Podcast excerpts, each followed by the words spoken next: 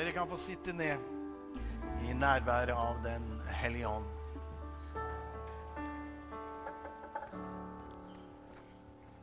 Takk skal dere ha, lovsangere og musikere. Det er så herlig med dere.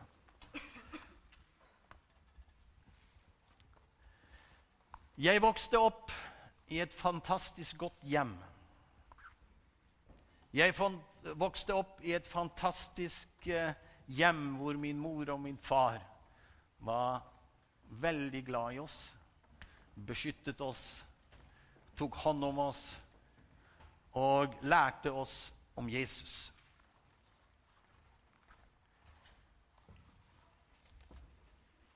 Jeg vokste opp i et hjem hvor Guds nærvær og Guds atmosfære var en del av hverdagen. Jeg vokste opp i et hjem hvor far kunne være radikal. Men du verden hvor mye han lærte meg om Den hellige ånd.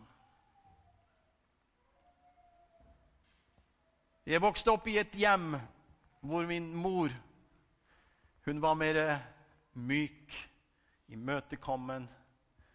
Den var ikke så firkantig som far. Jeg husker så mange ganger når jeg kom fra skolen, så hørte jeg Hvis jeg kom for tidlig fra skolen, så hørte jeg lyden inn på stuen av mor som ba.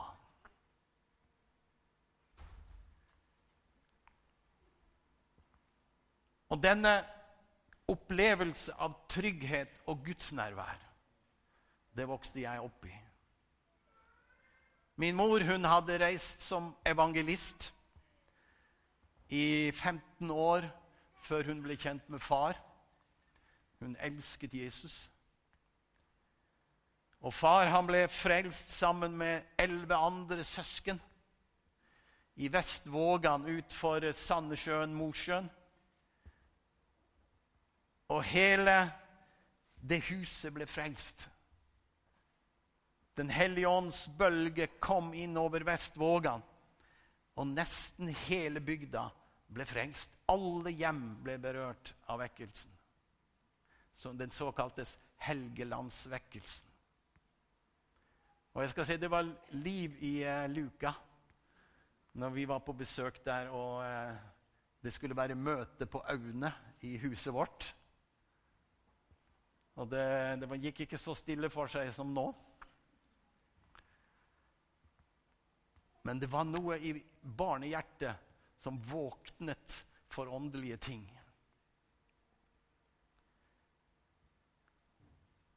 Hvorfor forteller jeg dette? Jo, jeg forteller dette når jeg er her og opplever dette nærværet. Så settes jeg tilbake til mitt hjem, hvor jeg opplevde dette nærværet da også. Og min tale nå kommer til å ha, eh, ha fokus Rett fokus. Jeg var noen få uker gammel. Så holdt på jeg å dø. Jeg vet ikke hva det var, men det, min mor sa det at vi trodde du kom til å dø den natten. Der Vestvågan det var et sted hvor man ikke kunne kjøre med bil til, så det måtte i båt osv. Far han jobbet da på et, et, sted langt borte, så han var ikke hjemme i, på dagene. heller. på, han var bare hjemme i helgene. Og jeg hadde fått en slags sykdom som Eller det var uttørking, slik at jeg fikk ikke nok vann og kunne ikke ta pupp osv. Og, så og så endte det opp med at jeg var veldig dårlig hadde diaré osv. Så, videre. så er det inne på denne Der som far jobbet. Han jobbet som uh, uh, i, i, en tunnel. Så der, i brakken, så hørte han plutselig Guds røst. Og han hørte Guds røst så klart, og røsten sa, 'Du må dra hjem, det er noe som ikke er i orden hjemme. Og han, han sa, 'Jeg kjente røsten igjen av Gud'. Og han heiv seg på sykkelen og syklet vel en par timer. Og det var ikke den, de flotte syklene som vi har nå. Og da kom han hjem, og da hadde han Da lå jeg for døden. Lille babyen. Mor hun hadde bedt om at Gud måtte gjøre noe. Det var ikke telefon, det var ingen muligheter å få kontakt. Og far, han hadde hørt så Jeg har fortalt den historien før noen ganger. Far hadde hørt Guds røst så klart at han hadde kjørt innom en kristen bror i bygda som het Hårek. Det var et koselig navn på den tid. Så det var Johan og Hårek som kom. Og de kom inn der. Og der lå jeg i vuggen. En Gud som hadde sett meg. Og mor forteller at Johan og Hårek Så Gud kan bruke alle navn. De sto ved siden av vuggen, la sine hender på meg og sa, 'Hellige Hånd, helbred Tom nå.' Og momentant, sa han, så våknet jeg til liv og begynte å gråte. Og hun løftet meg opp og tok meg til brystet sitt. Og jeg tok melk som om det var ingenting som felte meg. Det var første gangen Jesus rørte borti meg ved sin helbredende kraft. Jeg forteller dette med utgangspunkt i litt av det som jeg skal tale om. Jeg skal tale om, om dette rett fokus. Å fokusere i vår tid er blitt mer og mer og mer aktuelt. Og det har blitt mer og mer aktuelt fordi at det er en rivende utvikling på så mange tid i vår tid. Nå fordi så øker hastighet, intensiteten øker, mengden øker, størrelsen øker, og ikke minst mikro øker. Det blir behov for evne altså Det blir behov å ha evnen til å klare å fokusere. Vi får så kolossalt mye tilgang på informasjon at vi, vi får et problem. Jeg leste dette. Jeg skulle, jeg ser her, jeg hadde, skulle sjekket opp hvor jeg hadde mine data fra, men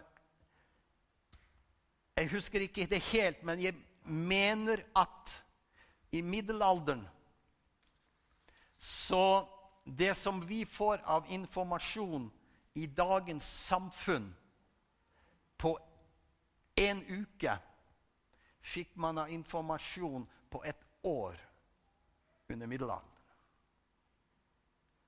Og så kan man da spørre seg all denne informasjonen vi får, er den bra for oss? Er den til hjelp for oss? Gjør den oss syke? Kan det være at noen av oss er syke pga. informasjonsmengden som er så enorm? Vi er ikke skapt til å få så mye informasjon.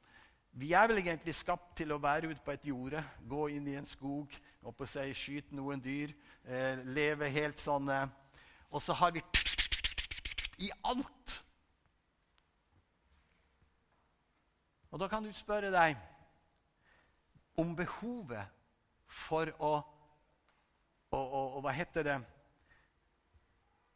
Å finne og ta riktig informasjon, eller hva er et annet ord jeg leter etter. Altså å, å finne det som er rett. Og ha øynene på det som er en viktig informasjon. Det er det, noe av dette jeg skal tale litt til dere om i dag. Det går litt i, eh, det skjærer litt av Mortens tale som, hadde, som han hadde sist, om å ha det usynlige for øyet. Men det blir en litt annerledes side. Jeg skal få en bibeltekst opp som heter 'Å leve er for meg Kristus', og døden en vinning. Dette er Paulus som kommer med den informasjonen. Og du skal merke deg hvordan han ser på seg i forhold til Gud. Han sier 'Å leve er for meg Kristus'.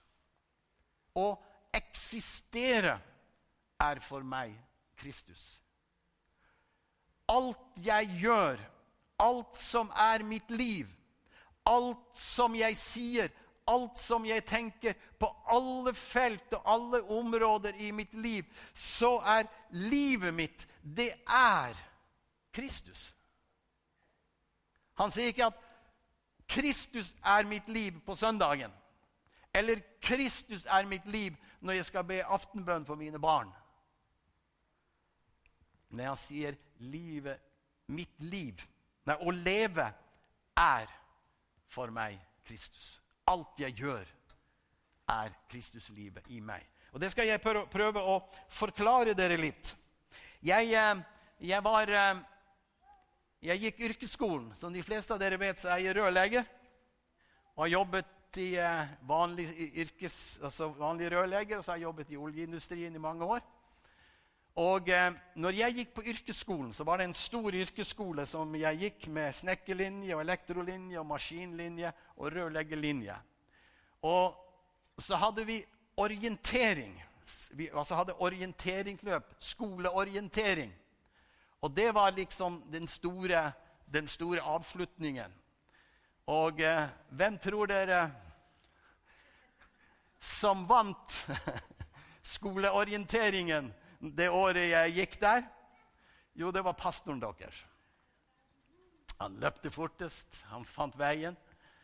Og Nå skal vi se litt på akkurat det som, som står bak dere nå. Jeg skal prøve å gi dere en innsikt i hvordan Paulus tenker når han sier, sier 'Å leve er for meg Kristus'. Som vi ser, der har du et kart og så har du kompass. For at du skal kunne eh, drive orientering. Hvor mange av dere har drevet orientering? Det er noen som har løpt litt her, ja. Flott. Så er det sånn at du bør gjennom kartet vite hvor du er. Og så bør du vite hvor du skal. Ikke sant? Og så er det sånn at vi kan Ja, vi tar på neste bilde. Der vil du se at Nå kan dere se på det, kan jeg stå litt i skyggen her. Eh, så vil dere se at det er noe som heter en marsjretning.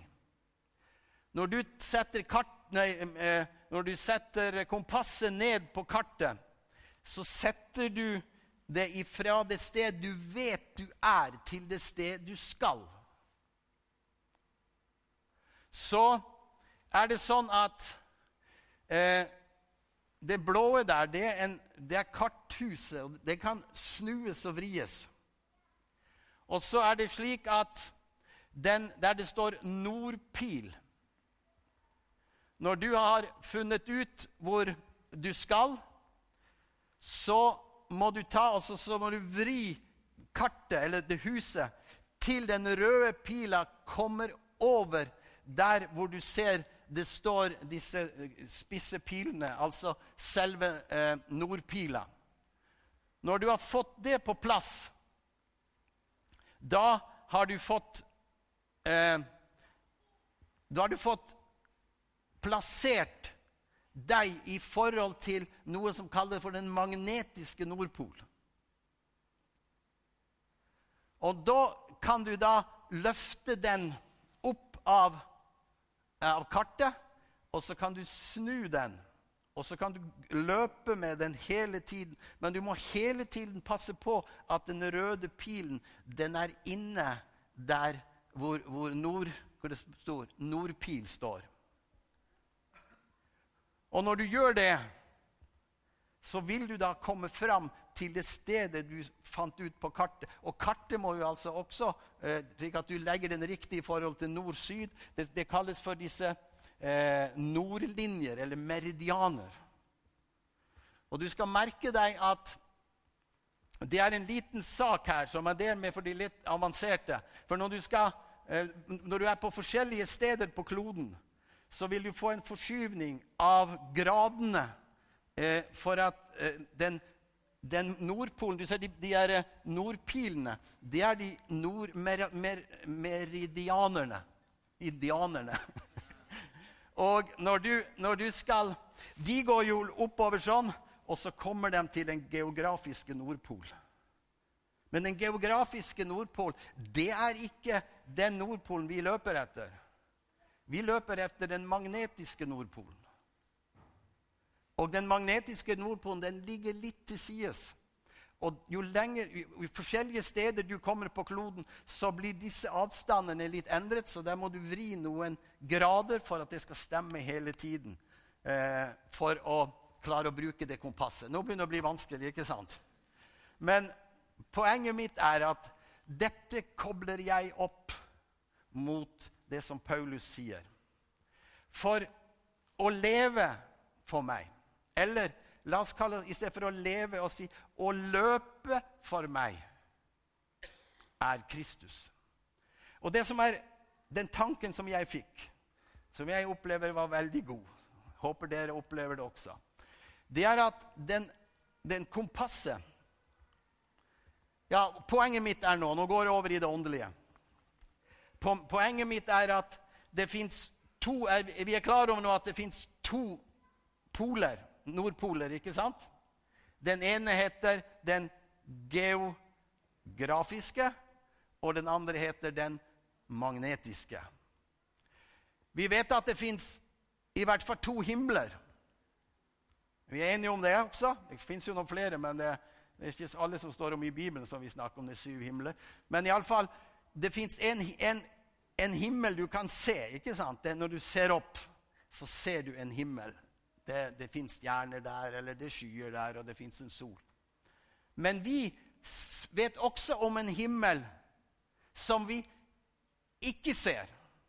Er du med? Og det er her jeg prøver å forklare deg Paulus sin tankegang. Når jeg får kompasset i handa, så stiller jeg kompasset inn mot den Nordpolen jeg ikke ser,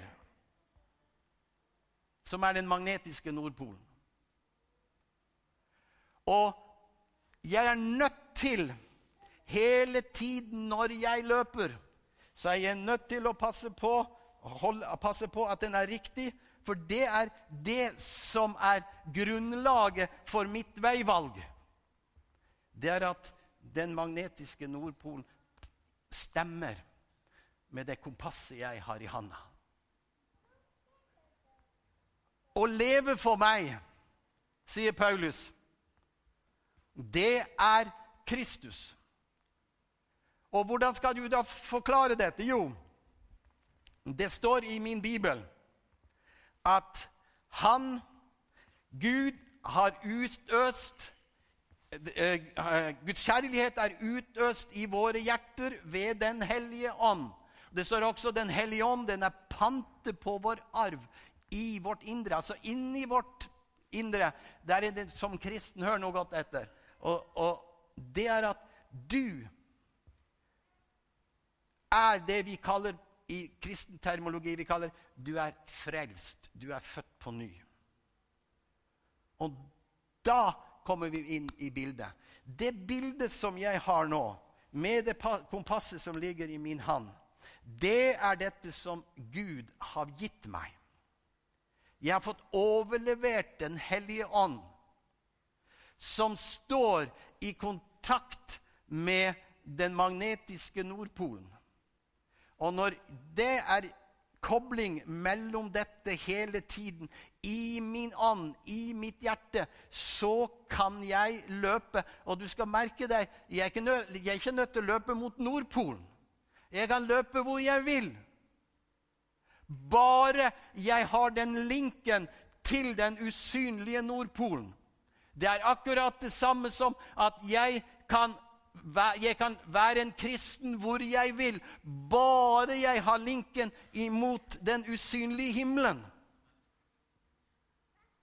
Jeg har fått noe i mitt hjerte som skaper en link til en usynlig verden. Jeg har fått noe overlevert i min hånd som jeg stiller inn imot den magnetiske Nordpolen, den jeg ikke kan se. Og det er den jeg bruker hele mitt liv. Er du med? Overalt hvor jeg er, så er det det som må være på plass. Hva skjer hvis du begynner å skru denne klokken, eller denne, denne jeg vet ikke hva det heter for noe. Kars. Kompasshuset, ja, det står det jo. Kompasshuset, ja. Hvis jeg hadde begynt å styre, eller ta dem etter de meridianene som går der uh, Roald Amundsen var, eller der de store gutta var, der de satte flagget oppå, da vil jeg løpe feil hele tiden. Hvorfor? Og sånn er det nå, nå, tenker jeg for å overføre. Hvis du og jeg hele tiden er opptatt med de ting jeg kan se, de materielle ting, de ting som er i denne verden, alle disse input som jeg startet med å snakke om Hvis det er det som styrer deg og meg et helt liv, uten at du har linken til den usynlige Nordpol til den usynlige himmel, hvordan skal du da klare å finne veien? Hvordan skal du klare å høre Guds ånd, høre Guds røst? Du går med kompasset, men det går bare i surr for deg. Mange har kompasset, men kan ikke bruke det. Mange har Den hellige ånd, men kan ikke bruke den.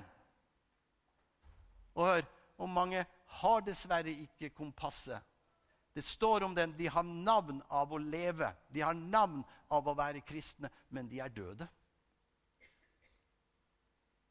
Og Dette er litt, en liten alvorlig tale jeg skal ha, for jeg snakker om rett fokus.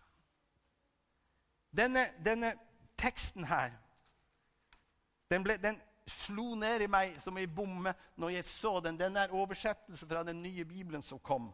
Å leve er meg å leve er for meg Kristus. Å leve. Alt jeg gjør. Nå skal vi se skal vi gå videre, og så skal vi se litt på noen eh, Nå skal vi se på neste tekst. Der skal du se Paulus. Det, når han sier 'å leve er for meg Kristus', da sitter han i et fengsel i Rom. Han vet ikke hvordan det går. Men hør, hør hvilken fokus han har. Der står det Men hvis jeg blir i live Altså han sier det i fengsel. Hvis jeg skulle dø, eller hvis jeg er i live, kan jeg gjøre et arbeid som bærer frukt, og da vet jeg ikke hva jeg skal velge.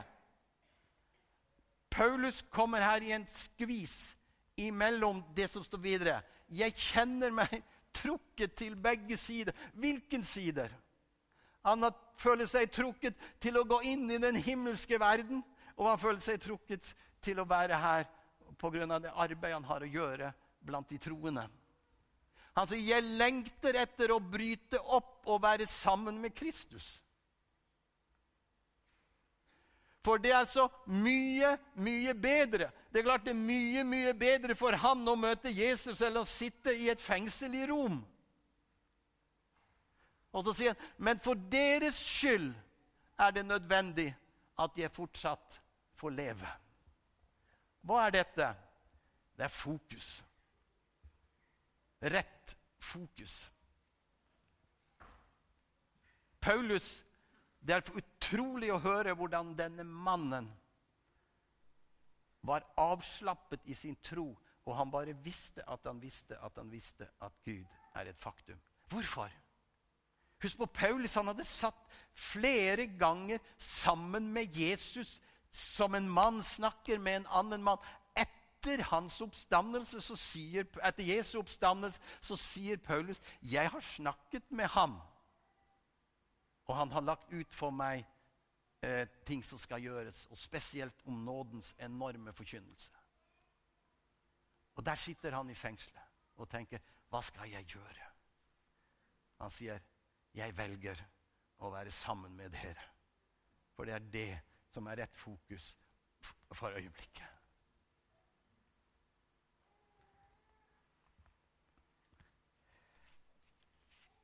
Vi skal ta for oss et neste bilde. Det er Peter og Johannes og Jesus. Jeg skal prøve å fortelle historien. Den er ganske lang, men jeg skal gjøre det kort. Hør her. Jeg er blitt enda mer bevisst på at jeg må formidle Guds ord til dere. Jeg må be, enda mer bevisst på at jeg må fortelle slik at dere kjenner Skriftene. For hvis jeg har spurt dere her Jeg skal slippe å løfte opp handa. Hvis jeg hadde spurt dere hvor mange av dere har lest i Bibelen i uka som gikk, så er jeg bare litt redd at det er ikke så veldig stor eh, eh flor av hender her. Men hør, dette er noe som jeg ønsker at vi enda mer skal få tak i. I gamle dager så hadde vi like noen som var bibeluker. Man brukte ei hel uke fra tirsdag til og med søndag hver kveld. Og så hadde man et tema som satt hele gjengen med biblene sine og lærte det som sto i Skriftene. Så jeg må få lov å bruke litt bibel på dere. Denne hendelsen her, det er en tidlig morgen. Peter og disiplene har vært ute og fisket. Det er etter Jesu oppstandelse. Jesus er stått opp fra de døde. Og Peter har ikke sett Jesus siden han bannet og sverget på at han ikke kjente ham. Da er det at han står ansikt til ansikt med Jesus, altså Peter. Og så sier, for å gå fort gjennom, så sier Jesus til dem at eh, Fikk dere fisk? Nei, vi har ikke fått noe. Så sier Jesus, gå ut, kast på nytt igjen og gjør det sånn og sånn, og kom tilbake. Og da fikk de masse fisk. Så sier Jesus plutselig til Peter, Peter, elsker du meg mer enn de andre her? Altså de andre disiplene. Elsker du meg mer enn de andre disiplene her?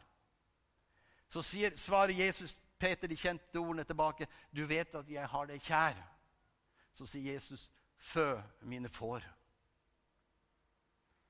Og så sier Jesus på nytt igjen, 'Elsker du meg, Peter?' Eller han sa det først, 'Elsker du meg, Peter?' to ganger. Og så sier Jesus Peter tilbake, 'Du vet jeg har deg kjær.' Neste gang, 'Du vet jeg har deg kjær.' Og så sier Jesus ikke lenger 'Elsker du meg?' Men han går ned på Peters nivå, og så sier han til ham, 'Peter, har du meg kjær?' Tidlig hadde han sagt 'elsker du meg' med et ord som heter agape. Men han sier 'har du meg kjær'? Og det, da ble Peter fortvilet, står det, for at Jesus spurte tre ganger om han elsket ham. Og Da er det at Jesus legger denne setningen på og sier 'Elsker du meg mer enn de andre disiplene her?' Vet du hvorfor han gjorde det?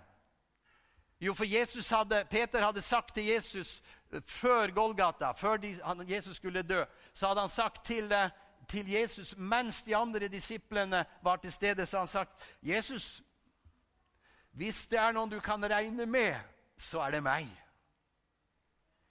Om alle går fra deg, sa han, så er jeg rede til å både dø og gå i fengsel for deg. Det var det Peter hadde sagt til Jesus.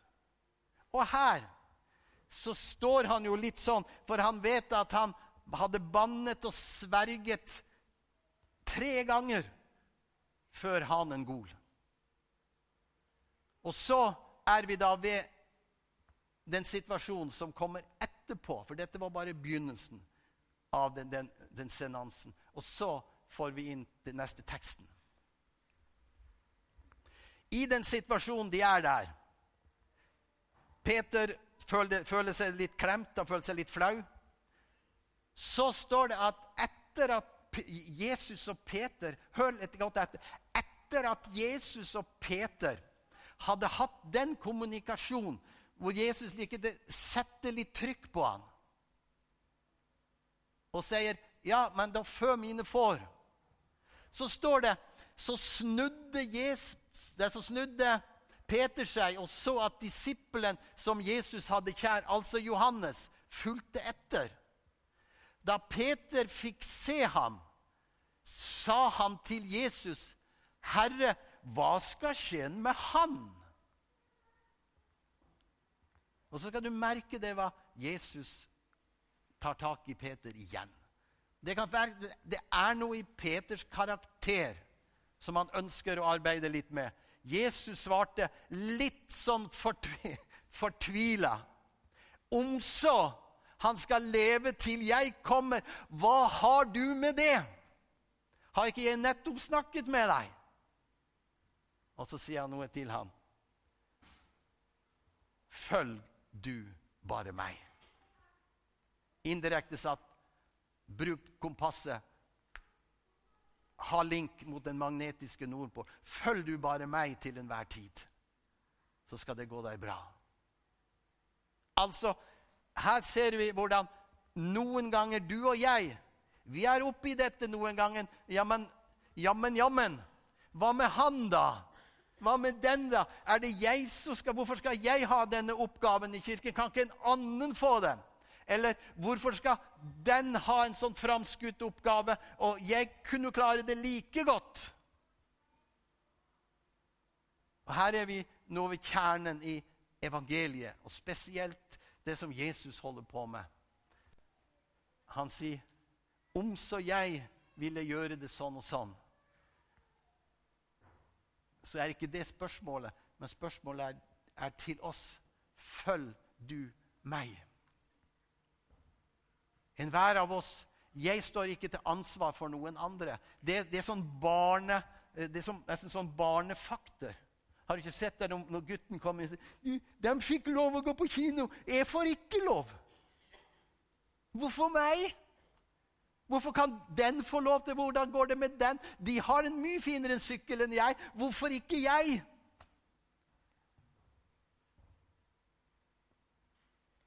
Og da kan vi klappe gutten og jenta og si du er min. Du tilhører dette hjemmet. Vi er forferdelig glad i deg. Skal vi ordne det etter hvert, liksom det blir til beste for deg? Rett fokus. Vi skal gå videre. Og her skal vi se et annet bilde. Det interessante er at ofte så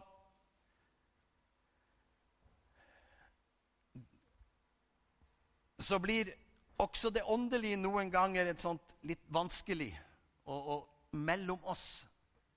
For fokus har med å holde fokus på oss, holde fokus på den ting som i tiden, og så holde fokus opp mot Jesus.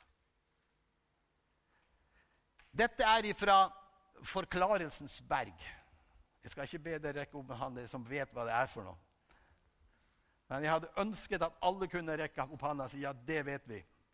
Han Petter har rekt opp hånda med en gang. Er det noen som vet hva de La få høre litt på kunnskapen, men dere som er sånn overteologer, kan ikke det tilstille noe? De to som står ved siden av, hvem er det?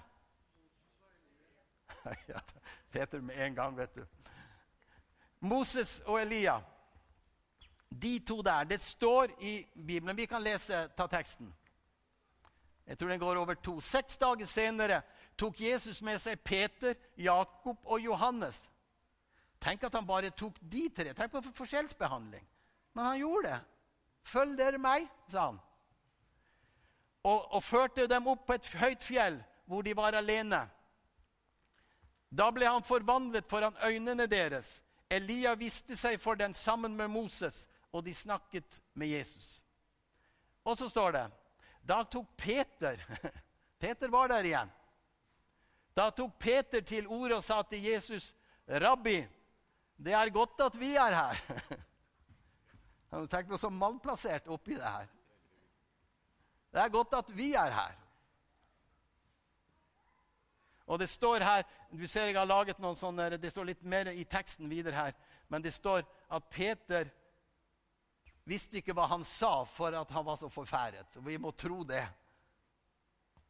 Men så sier han, 'La oss bygge tre hytter til dere'. Det var sikkert en god tanke, det var noe godt i hjertet. Men se hva som skjer med det samme. Med ett, da de så seg omkring, så de ingen andre enn Jesus alene. Her er en, en meget interessant og meget viktig ting i vårt gudsliv. La oss prøve å holde bort alt som har med det menneskelige, det timelige Når vi kommer inn for Herren. Prøv å sile det bort. Det er, det, det, det husk, jeg snakker om fokus. Hvis ikke vi som troende klarer å ha fokus på Han, høre Hans røst, lære Ham å kjenne som innledningsvis, så ville all annen inntrykk bli så sterk på oss at vi klarer ikke å, å høre hva som var Guds plan. Du ser her så snart at Peter begynte å, å, å blande inn og bygge hytter og, og, og, si at det var best at de var der, da skjedde det noe med en gang. Man, det var liksom, det passa ikke inn i Guds rike. Og det er min bønn her i formiddag. Ha fokus. Og jeg, jeg har et bønn til dere etter dette møtet. Så snart du ser et kompass eller et kart Kart blir kanskje vanskelig, for det ser dere så mange ganger. Men så snart dere ser et kompass, så skal du tenke på Har jeg mitt kompass innstilt på den usynlige himmelen? Eller er mitt kompass innstilt på den geografiske Nei, den usynlige himmelen, eller eller har jeg den innstilt på den synlige himmelen, på de synlige ting? Og det er, det er min utfordring til dere. Det er noe i mitt hjerte som hele tiden sier Hjelp folket til å elske meg mer. Hjelp folket til å elske meg mer og ha mer fokus og kontakt. Og hør, dette er ingen kritikk. Saken er bare at dere og vi, og jeg Vi lever i den tid i verdenshistorien hvor vi har størst sjanse for å bli ledet bort ifra fokuset. For vi har så enormt med inntrykk som kjøres på oss gjennom TV, gjennom media, gjennom eh, Ja, på alle plan.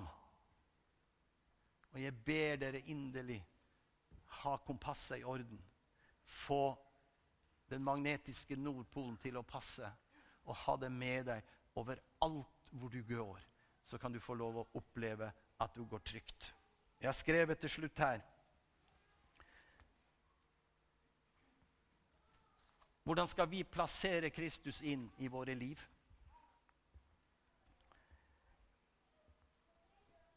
Er du kommet i den situasjonen at du må si til Gud Gud, jeg trenger å stoppe opp litt. Jeg tror jeg er langt ute i en skog. Jeg, jeg, vet, jeg, vet, ikke hvor jeg skal. Jeg har kommet ut av orienteringskartet mitt. Alt er feil. Alt er galt. Uansett hvor jeg snur det, så, så blir alt galt. Be Herren å vise deg, be Herren å komme og lære deg, og at du kan finne tilbake til en tro og til den plass du sist slapp ham. Og så kan kartet ditt og så kan du få, ta kartet ditt fram, som er Guds ord, og som er alt det som har med Guds liv å gjøre. Og så kan du legge kompasset oppå på nytt. Og så kan du justere det inn.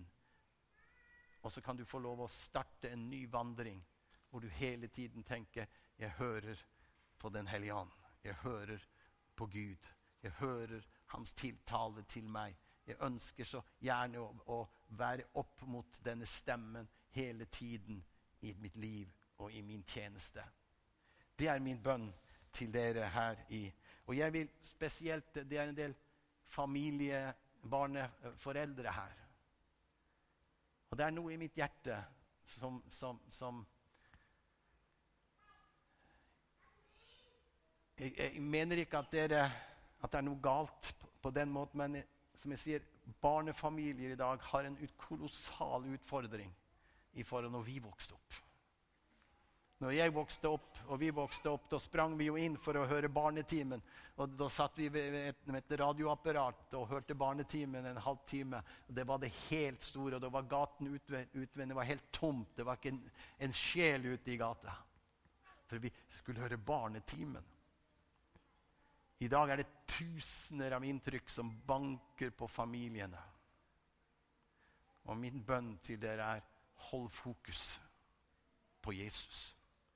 La ikke alle ting, andre ting, bli styrende, slik at kompasset begynner å få en feil i forhold til den magnetiske Nordpolen og til de himmelske verdier. Ta den med deg, denne hilsen denne morgen. Og det siste som jeg har skrevet her Lær dine barn å bruke kompasset. Lær dine barn å bruke kompasset.